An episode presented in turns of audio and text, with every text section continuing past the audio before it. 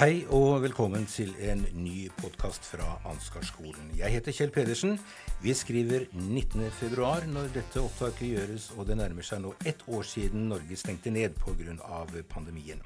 Og rektor Ingunn Folkestad Breistein, du er som vanlig da med her i studio. Og hvordan preger denne pandemien nå det som eh, foregår på Ansgarskolen i dag, ett år etter omtrent pandemien liksom slo Norge ut?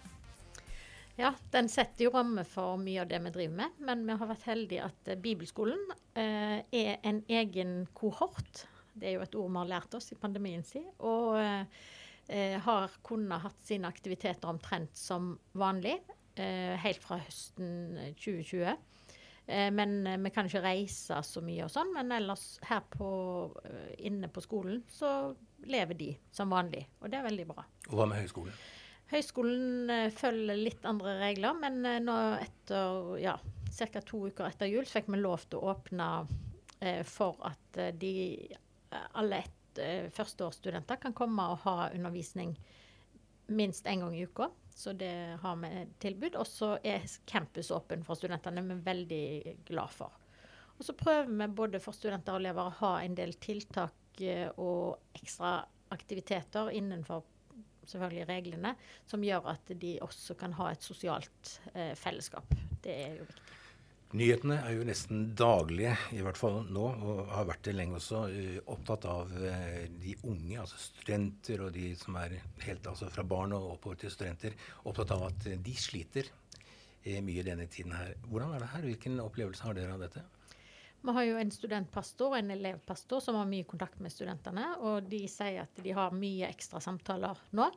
Eh, som tilbud om såkalte fortellgrupper, som er et prosjekt vi har hatt her på Ansgarskolen. Hvor eh, man får møte andre og, og eh, snakke sammen om livet, om studiene. Og som ikke er en sånn studiegruppe eller kollokvier, men som er eh, eh, ja, samtaler om livet, rett og slett. Det tror vi hjelper. Og f.eks. på Valentine så hadde de et stor, elevrådet her et stort eh, studentrådet et stort arrangement.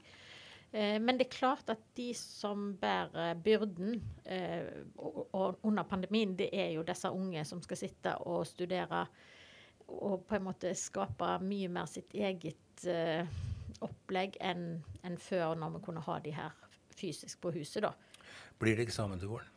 Det blir eksamen, det blir eh, digital eksamen. Eh, vi har jo lært oss å bli mye mer digitalisert, eh, det, men det fungerer bra. Og vi har jo Zoom og Teams-undervisning. Det har både lærere og studenter lært seg. Men det er jo allikevel nest best. Men, men er, det bestemt, er det allerede bestemt at det blir type hjemme, hjemmeeksamen og, og digital eksamen?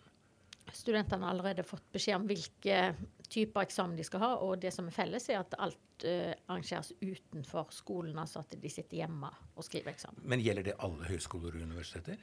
Uh, det vil jeg tro at de fleste kommer til å gjennomføre det på den måten, fordi at det er så usikkert med pandemien. Men det er jo opp til institusjonen å, å, å bestemme når de skal bestemme det. Så her på Ansgarskolen har vi tenkt at det er forutsigbart for studentene at de vet allerede nå. Dagens gjest i Ansgar-podden er Jorunn Gleditsch Lossius. Og du sitter på Stortinget, Jorunn, eh, som vararepresentant for barne- og familieminister Kjell Ingolf Ropstad. Og om det kan sies eh, at noen ble kasta rett inn i rikspolitikken for et par år siden, så var det deg. Ble du overrasket da telefonen kom om at du nå må møte på Løvbakken?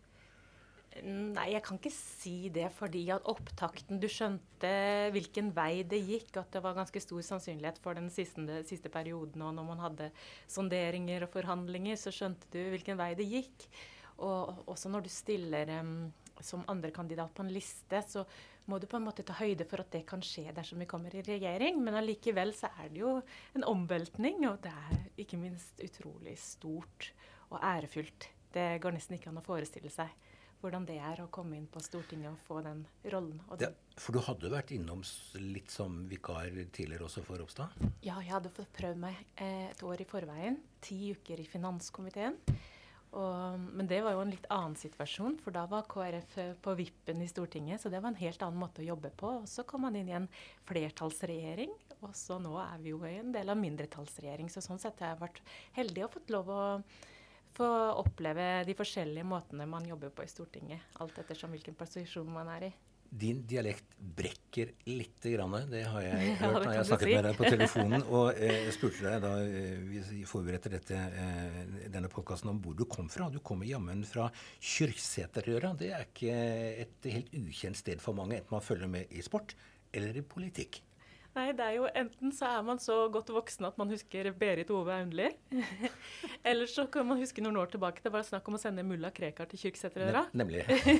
Men det, så det satte plassen på kartet. Men ellers har ikke de fleste hørt om det, tror jeg.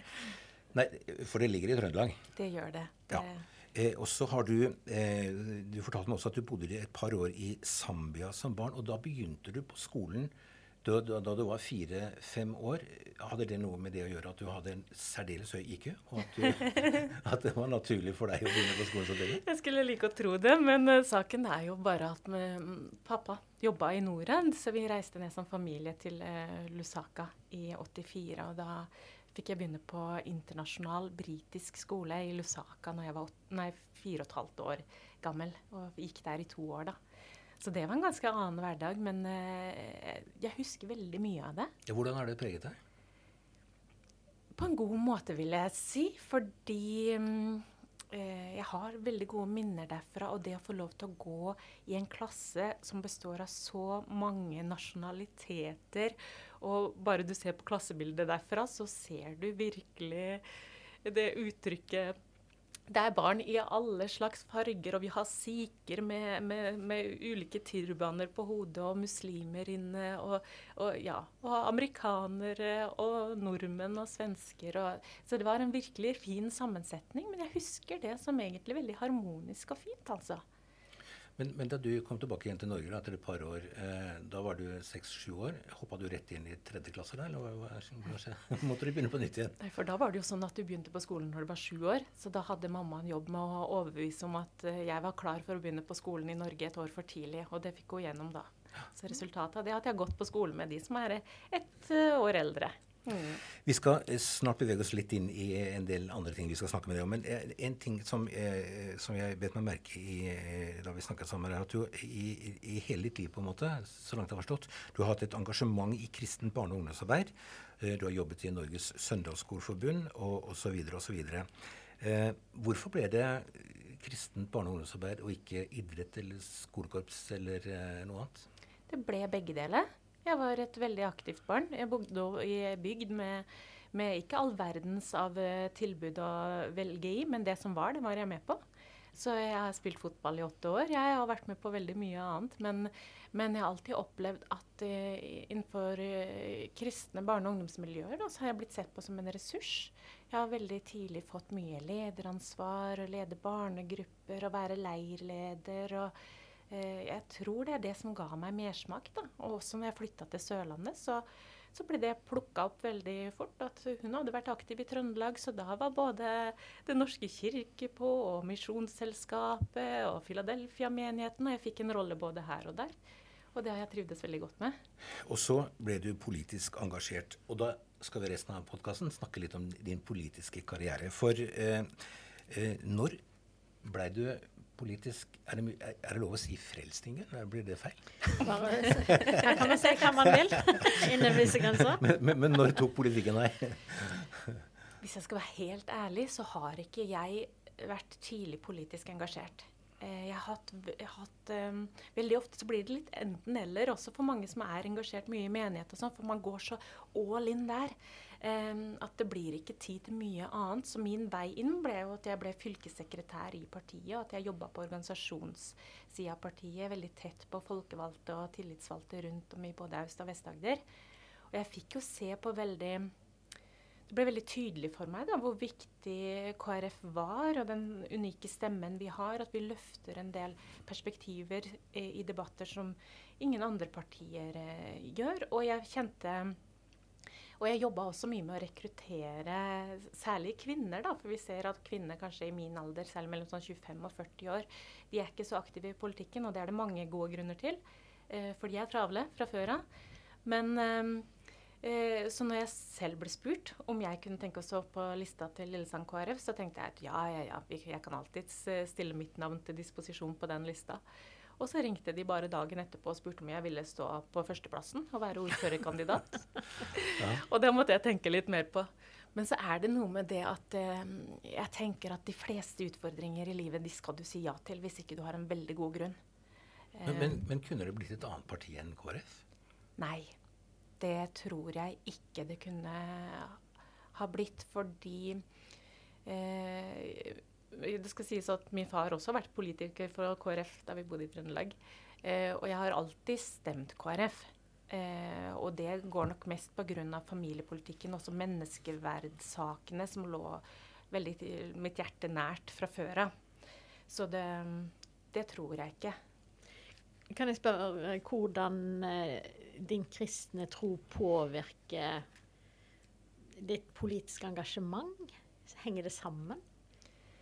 Ja, det vil jeg tro. Ikke minst i de menneskeverdssakene. av det synet vi har på livet og dets verdi, helt ifra unnfangelse til naturlig død. Det er utvilsomt med å påvirke det, men også det her som går på tros- og livssynspolitikk, med trosfrihet og rom for, for, for uh, tro og det livssynsåpne samfunn som jeg er veldig opptatt av. da. Eh, også synet på familien, vil jeg tro. Um, at det er den viktigste enheten vi har i samfunnet. Um, og, og, jeg er jo familiepolitiker, og det er noe som virkelig ligger mitt hjerte nært. Da. Men vi skal, si, vi skal, snakke litt om dette med denne tros- og livssynsloven. For den ble du på en måte kikka kjapt inn i i det du nå kom på Stortinget, og var jo annen nestleder i en komité her, og du har vært eh, saksordfører vel for denne, mm. eh, denne saken i Stortinget. Eh, hva, hva er det aller, aller viktigste med den loven sett med dine briller. Nå har ikke du briller, da, men kanskje, kanskje, du har, linser? Nei, jeg har nok ikke det. Men å, det er mye jeg kunne sagt om det. Men det som jeg tenker er viktigst, er det her at vi legger opp til et livssynsåpent samfunn, og at vi skal føre en aktiv og støttende tros- og livssynspolitikk. Um, og en av de kanskje viktigste tingene som KrF fikk på plass i den tros- og livssynsloven, det er at, uh, at, man skal kun være 50 medlemmer i trossamfunn. At man ikke har noe høyere krav enn det for å kunne motta statsstøtte. Vi vet jo at mange andre partier ønska en, uh, et antallskrav på 500 medlemmer for, for, å motta støtte. Og det er, det er, ganske alvorlig, rett og slett, fordi da hadde over 600 trossamfunn og menigheter rundt om i landet vårt mista den statsstøtten. Så, men det å legge opp til et livssynsåpent samfunn da, med rom for tro og uttrykk for tro, det er noe jeg brenner for. fordi eh, det, det, å ha en tro, det, det, representerer en enorm verdi i menneskers liv, og ikke minst for oss som samfunn, som en samfunnsbyggende kraft. For hvis du tenker på alt menigheten menighetene og trossamfunnene bidrar med. Av eh, alt fra barne- og ungdomsarbeid, som jeg selv har hatt et hjerte for, men også diakoni. De driver med, med rusarbeid og blitt helt rå på integreringsarbeid. Så de er så viktige for lokalsamfunnene og med alt det de bidrar med. Hva tenker du er det den største trusselen eller hinderet for et sånt at Altså, jeg har jo registrert at uh, selve begrepet livssynsåpne samfunn er jo blitt veldig populært. Uh, liksom har fått, har fått, god gjennomslag. Men hva, hva, ser du som hinder for at vi kan leve sammen her i Norge i et livssynsåpent samfunn? Jeg tenker det vi gjør som lovgivere er veldig avgjørende. Og vi ser jo at her er det veldig klare skillelinjer i norsk politikk. At uh, noen ønsker å stille mye større krav til trossamfunnene for at de skal kunne motta støtte. De ønsker å inn og kontrollere og ha mange sånn, samfunnskontrakter der de skal rapportere på likestillingsmål, og der de skal eh, eh, også være med og, og, i noen grad diktere hvem som man kan velge som ledere, og hvordan man skal organisere seg. Og det syns jeg er utrolig uheldig. Og alle de her kravene, også den litt utidelige mistenkeliggjøringa som vi kanskje ser i hovedsak fra venstresida i norsk politikk, den er med på å, eh, å skape en litt sånn uheldig syn, da tenker jeg på trossamfunnet og menighetene og alt det positive de bidrar med. Og vi ser også i medier den siste tiden, hver gang vi hører om noe i medier, så er det gjerne en lei sak. Vi hører så altfor lite om den siden som jeg snakket om i stad, om hvilken samfunnsbyggende kraft det er. Enorm, hvilke store verdier det betyr for enkeltmennesker. Og at det å tro er så naturlig, og det er så fint. 85 av Norges befolkning tilhører jo et trossamfunn. Så vi som uh, politiske ledere har et ansvar. Medier har et ansvar, ikke minst. Men, uh, men uh, men i det hele tatt så tenker jeg det er en utfordring i den tida vi lever i. At uh, vi ser at på mange områder så er vi mindre tolerante overfor hverandre og på vei til å bli et smalere samfunn. Vi har sett det i en del saker også den siste tiden. Ja, ja altså ja. Bare for å mhm. knipse borti et par av de sakene som uh, du kanskje tenker på, du også. altså Du har saken på Klepp ja. eh, med bedehus eller, eller forsamlingslokalet på Klepp som, eh, hvor det har vært eh, betydelige problemer. Mm. Man har noe, eh, en, en, sak gående med NLA-studenter i Oslo. Hva mm. tenker du og, og, tror du om sånn, som politiker da, når det gjelder da, det livssynsåpne samfunn? Eh, er det problematisk? Eh, eller hvilke problemer ser du da? Eller utfordringer ser du når man får saker som den på Klepp, og så får man saker som den i Oslo? det vi ser på Klepp, da, med at kristen barne- og ungdomsarbeid blir nekta kommunal støtte fordi eh, den organisasjonen eller det, den menigheten de tilhører, at deres verdigrunnlag ikke er i tråd med kanskje hva flertallet synes er politisk korrekt. Um, det er alvorlig, og ikke minst er det alvorlig når, eh, når også stortingspolitikere, tros- og livssynspolitiske talspersoner både fra Arbeiderpartiet og Senterpartiet går ut og sier at uh, det er helt greit at, uh, at, kommuner velger å gjøre det her. Um, som med, med NLA, det det legger opp til i tros- og livssynslovene, er at det, er, uh, det skal være lov til en viss med utgangspunkt i verdigrunnlag, med utgangspunkt i lære, så er det lov til en viss forskjellsbehandling. men allikevel, det som er viktig her, er jo at det her barne- og ungdomsarbeidet og all den aktiviteten vi snakker om, den er likevel åpen for alle. Selv om kanskje det er bare ikke nødvendigvis alle kan ha de viktigste tillitsvervene, så er det jo aktivitet som er åpen for alle, og som ikke i utgangspunktet er diskriminerende. Men, men er det en, disse kampene her, er det, føler du det som politiker da, for, for et forholdsvis lite parti nå, da? Kan det bli mye større til stortingsvalget. Ja, det har vi tenkt. når, når, det er avgjort. Men, men, men, føler du, eller syns du det er, er det en kamp mot, er det kamp mot vindmøller omtrent? altså? Jeg, jeg, ser at det har blitt en veldig tydelig, tydelig kamp. Og, og, vi vet jo også at f.eks. Arbeiderpartiet har jo varsla en omkamp i det her. De er veldig tydelige på at de ønsker å inn og, og kontrollere og det jeg kaller overstyre tros- og livssynssamfunnene i mye større grad. Så jeg tenker at folk, og ikke minst velgere der ute, må være klar over de her skillelinjene, og at det er ikke likegyldig hvem som sitter med hånda på rettet i tros- og livssynspolitikken i landet vårt. Det er det ikke. Jeg, jeg hører jo til en av de som er glad for eh, det antallskravet på 50, fordi at eh, eh, jeg tenker det er ikke noe logikk i altså Det man er redd for, f.eks. at barn og unge blir tvunget inn på noe, eller det er en forskjellsbehandling innad i trossamfunnene, det har jo ikke med antallskrav å gjøre. Det er jo like mange saker i f.eks. Den katolske kirke, som er verdens største kirkesamfunn, mm. som, en, som, det kan være i et mindre trossamfunn. Men jeg tenker jo allikevel at kanskje noe av opinionen er blitt påvirka av alle disse filmene som har vært i det siste fra ulike mindre trossamfunn som har vist eh, alt fra eh, veldig streng behandling av barn og unge til ja, det som skjedde i Sverige med Eh, altså, Knutby. Ja, mm. Knutby, som, som selvfølgelig de aller fleste Altså, det var jo helt crazy. Mm. Eh, men men liksom, hva ville du tenke? For noen tenker jo at eh, ja, men svaret på denne tvangen, som åpenbart er uheldig eh, for barn og unge, er å frata eh, denne støtten eller tilskuddet. Men hva vil du tenke? Hva kan man gjøre for å hindre trossamfunn er så strenge at de ikke gir frihet til barn og unge, tvinger de, eller eh, denne uheldige eh, også behandlingen av medlemmer som går ut f.eks. fra Jehovas vitner, mm. eh, hvor man blir utstøtt.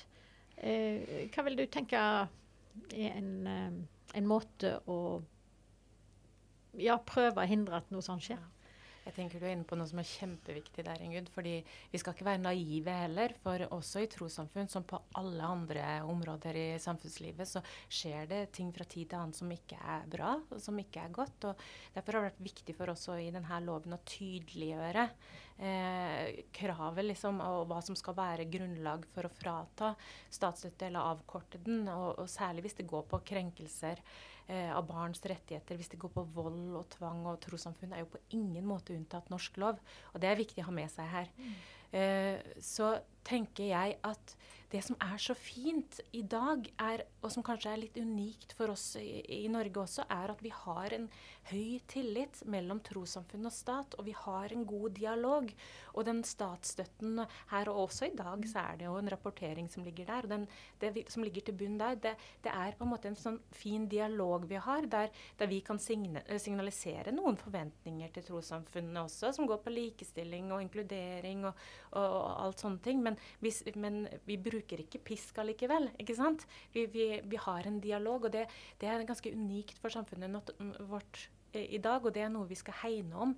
Jeg tror at dersom vi stiller altfor mye krav på rapportering og antallskrav og prøver å legge mye press, så vil veldig mange trossamfunn si at nei, vet du hva, vi trenger ikke den statsstøtta. Så viktig er det faktisk ikke. Og så vil de distansere seg. Og da mister vi den dialogen og den tilliten. Og det tror jeg ville vært veldig ut, dårlig utvikling for, for, samfunnet vårt. Men du nevnte ordet dialog. Er dialog eh, nøkkelen her? De, absolutt.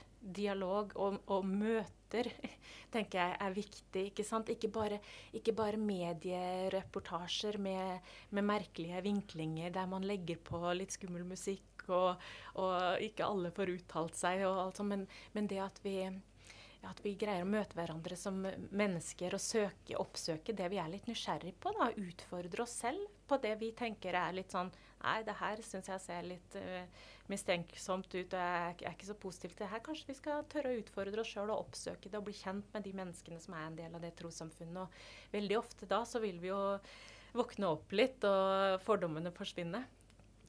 Jeg, det slår meg av og til at det blir Jeg tenker på det før jeg begynte å se på en av disse filmene. og så tenker jeg bare musikken på forhånd. Da hørte jeg at her kommer det ikke noe godt. Nei, men, men uh, hvis man i sport, eh, Kjell, du som er så interessert i sport, altså hvis man liksom tar de særeste, minste, merkverdigste sport eller liksom klubber Man bruker jo mest tid på det det er mest av, og det som eh, Du som Altså, hvordan rapporterer man liksom i media fra trossamfunns- eh, og tros- og livssynssamfunn kontra det man gjør på sport. altså Da er det jo det mest populære osv.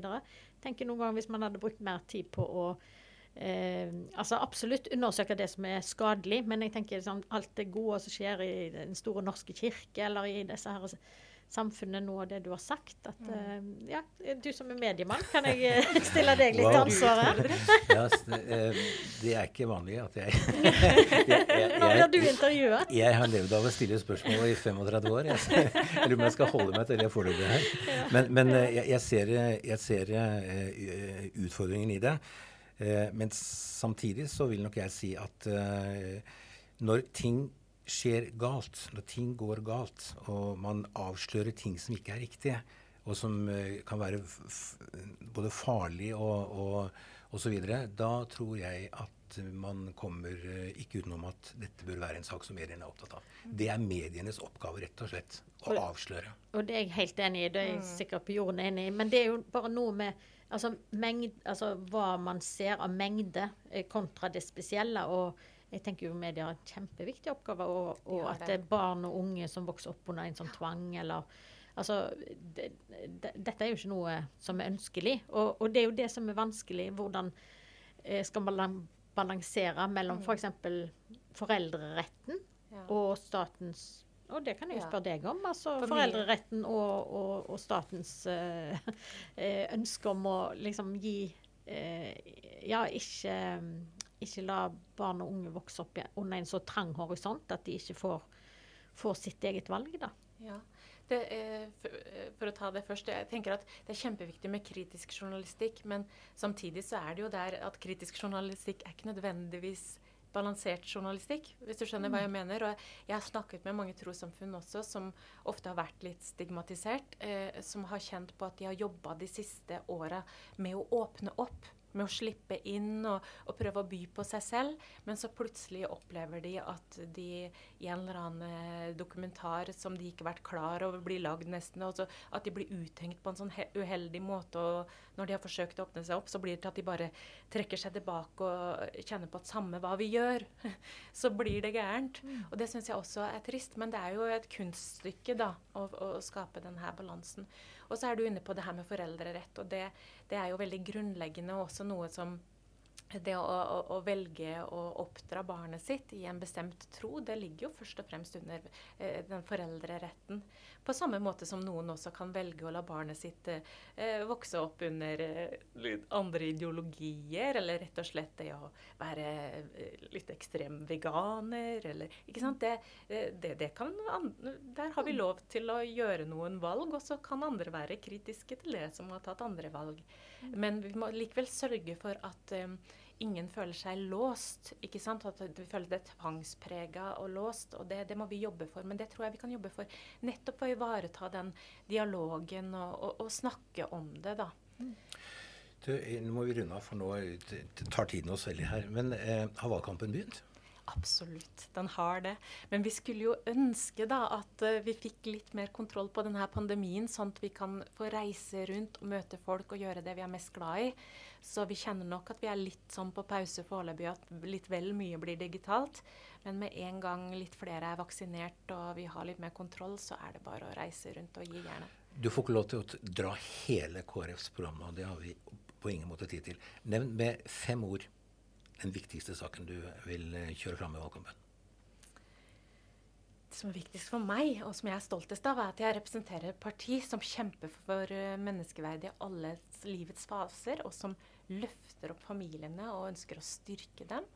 Og også jobber for trosfriheten.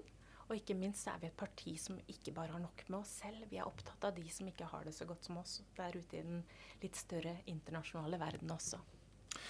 Det var uh, litt valgkamppropaganda fra deg, Jorunn ja, Gleditsch Låshus, som eh, representerer altså Kristelig Folkeparti på Stortinget. Sitter der som vararepresentant i og med at Kjell Ingolf Ropstad er uh, barne- og familieminister. Eh, Ingunn Folkestad Breistein har vært med i denne sendingen også. Det kommer flere podkaster etter hvert, Ingunn? Det gjør det. Vi kaller jo denne podkasten Et møtested for tro og tanke. Og det er jo det vi ønsker både med skolen vår og med med denne podkasten og reflektere over eh, sammenhengen mellom troa og det samfunnet vi lever i. Vi runder av der. Jeg heter Kjell Pedersen, og så høres vi igjen forhåpentligvis.